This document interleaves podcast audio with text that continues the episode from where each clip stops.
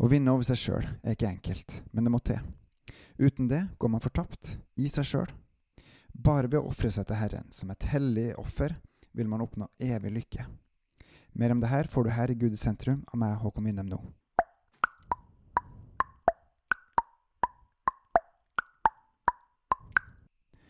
Romerne 6-7 forteller oss om kampen i oss sjøl, den mot sin kjødelige jordiske natur, og med Den hellige ånd som hjelper oss til å vinne. I egen kraft får vi det ikke til, men ved å slippe til Den hellige ånd kan alt gå an.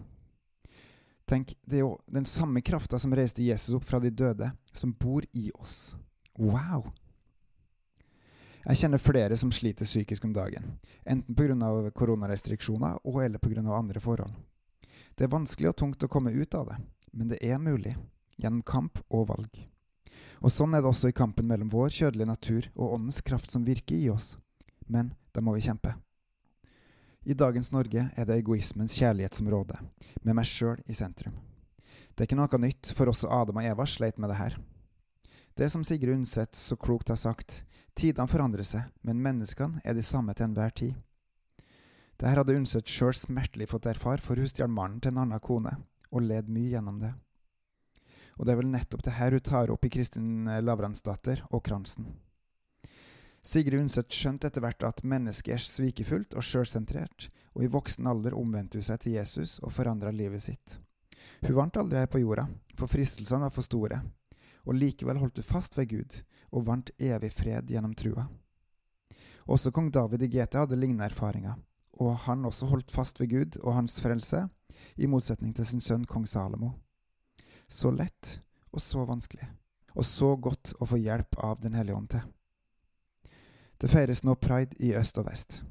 Deler av det er noe godt som bekrefter mennesker som viktige i seg sjøl, at vi er verdifulle, verdt å kjempe for, mens andre deler løfter opp mennesket som hever over samfunnet, at mennesket er viktigere enn samfunnet.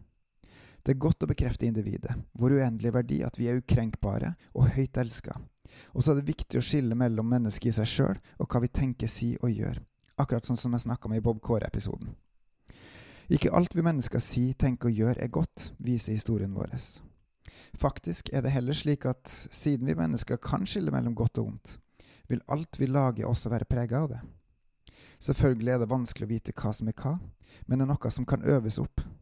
Spørsmålet til oss kristne er hvem vi velger som vår læremester, mennesker eller Gud.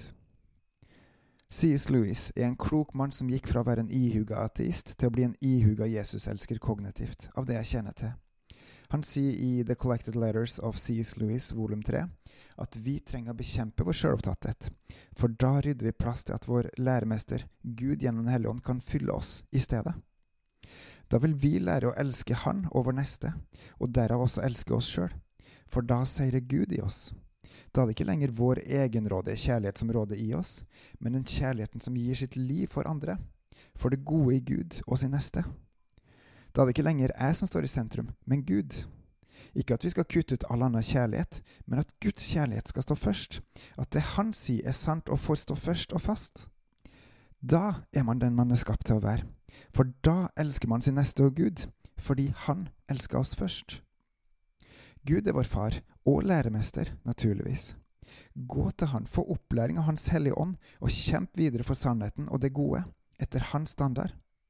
Han vil lære deg opp i det som er virkelig kjærlighet, den største kjærligheten som gir sitt liv, for at hver den som tror, ikke skal gå fortapt, men ha evig liv. Derfor, gå til Gud, få opplæring av Han, følg Hans ord, bli opplært i Hans kjærlighet. Bebels, elsk Gud og elsk de neste i Hans kjærlighet. På gjenhør.